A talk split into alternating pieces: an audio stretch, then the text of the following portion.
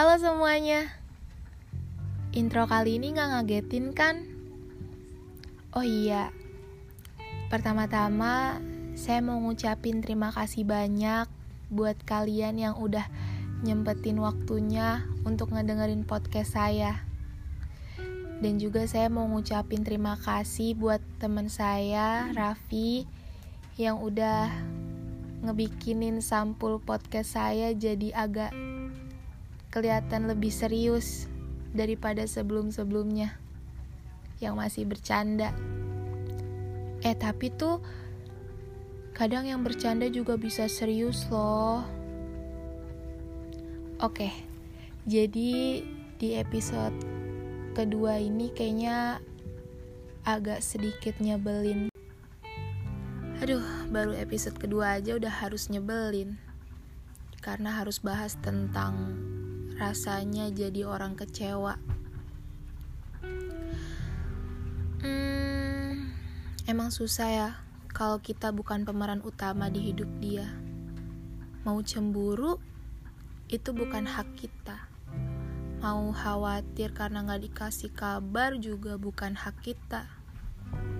Apalagi buat banyak tanya, jadi takut. Takut dibilang cerewet, banyak ngatur ini itu. Pokoknya susah deh kalau cuma jadi sosok pelengkap.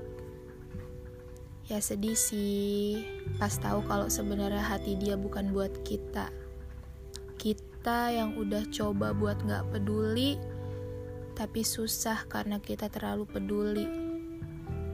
Mau gimana pun, rasa sakit yang dikasih ke dia bakal hilang. Aduh, nggak tahu deh jadi orang sedih itu menurut saya nggak mudah. Walaupun banyak dari mereka bilang, udahlah, ngapain sih sedih? Karena tuh mereka nggak ngerasain apa yang kita rasain.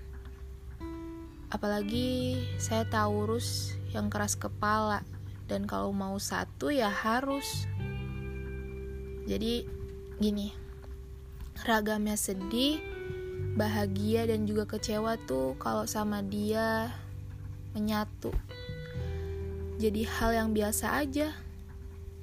Dengan alasan kalau gue sayang dia, cuman dia yang gue mau.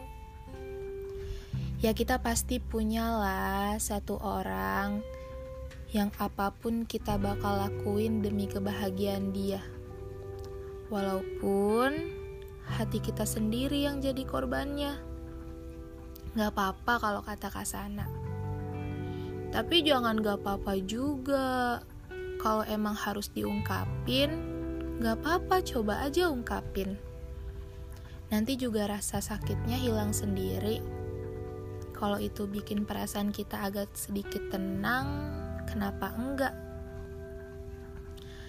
Jadi Kayaknya dari tadi kebanyakan ngomong jadi. Maaf ya. Oke. Jadi ceritanya gini. Saya tuh kenal dia sebentar banget. Sekitar 4 bulan. Eh, iya gak sih? November, Desember, Januari, Februari, Maret. Ya pokoknya sekitar 4 bulan. Awalnya saya biasa aja karena emang kebetulan saya tuh suka berteman dengan banyak cowok. Karena apa? Karena feelnya beda aja gitu. Kalau kebanyakan temen cewek rasanya banyak drama. Tapi ada sebagian yang bikin nyaman. Nah awal kenal dia saya berusaha buat biasa aja. Lama kelamaan dia buat hidup saya berubah berputar jadi 345 derajat. Eh bentar-bentar. Derajat tuh ada 360 kan? Ya pokoknya dia ngerubah saya banget ke hal yang lebih positif. Sampai apa yang dia suruh tuh saya turutin. Tapi karena ada hal asik ada hal eh enggak enggak gini karena sikap dia yang peduli ngebuat saya juga peduli sama dia. You know, orang yang peduli tuh buat saya adalah orang yang paling istimewa. Jadi, saking pedulinya saya, eh, saking pedulinya dia ke saya, saya selalu bisa temuin dia kapan pun. Jadi, sosok orang yang selalu ada buat dia, jadi sosok pendengar yang baik buat dia. Dan bagi saya, dia tuh kayak bis kota. Ke mana pun dia pergi, saya selalu ikut. Saya selalu ikut dia sampai halte tujuan saya diberhentikan. Tapi dia juga berhak pulang. Dan saya pun juga pulang dia sosok satu-satunya lelaki yang kalau saya tatap bola matanya saya bisa lihat kehangatan di setiap sisi hidupnya Kepanjangan gak sih bahas dia? Kayaknya lanjut episode selanjutnya aja deh. Buat ceritain lebih lengkap lagi tentang dia. Pokoknya tuh dia adalah sosok manusia yang lahir di bumi terus bikin saya bahagia.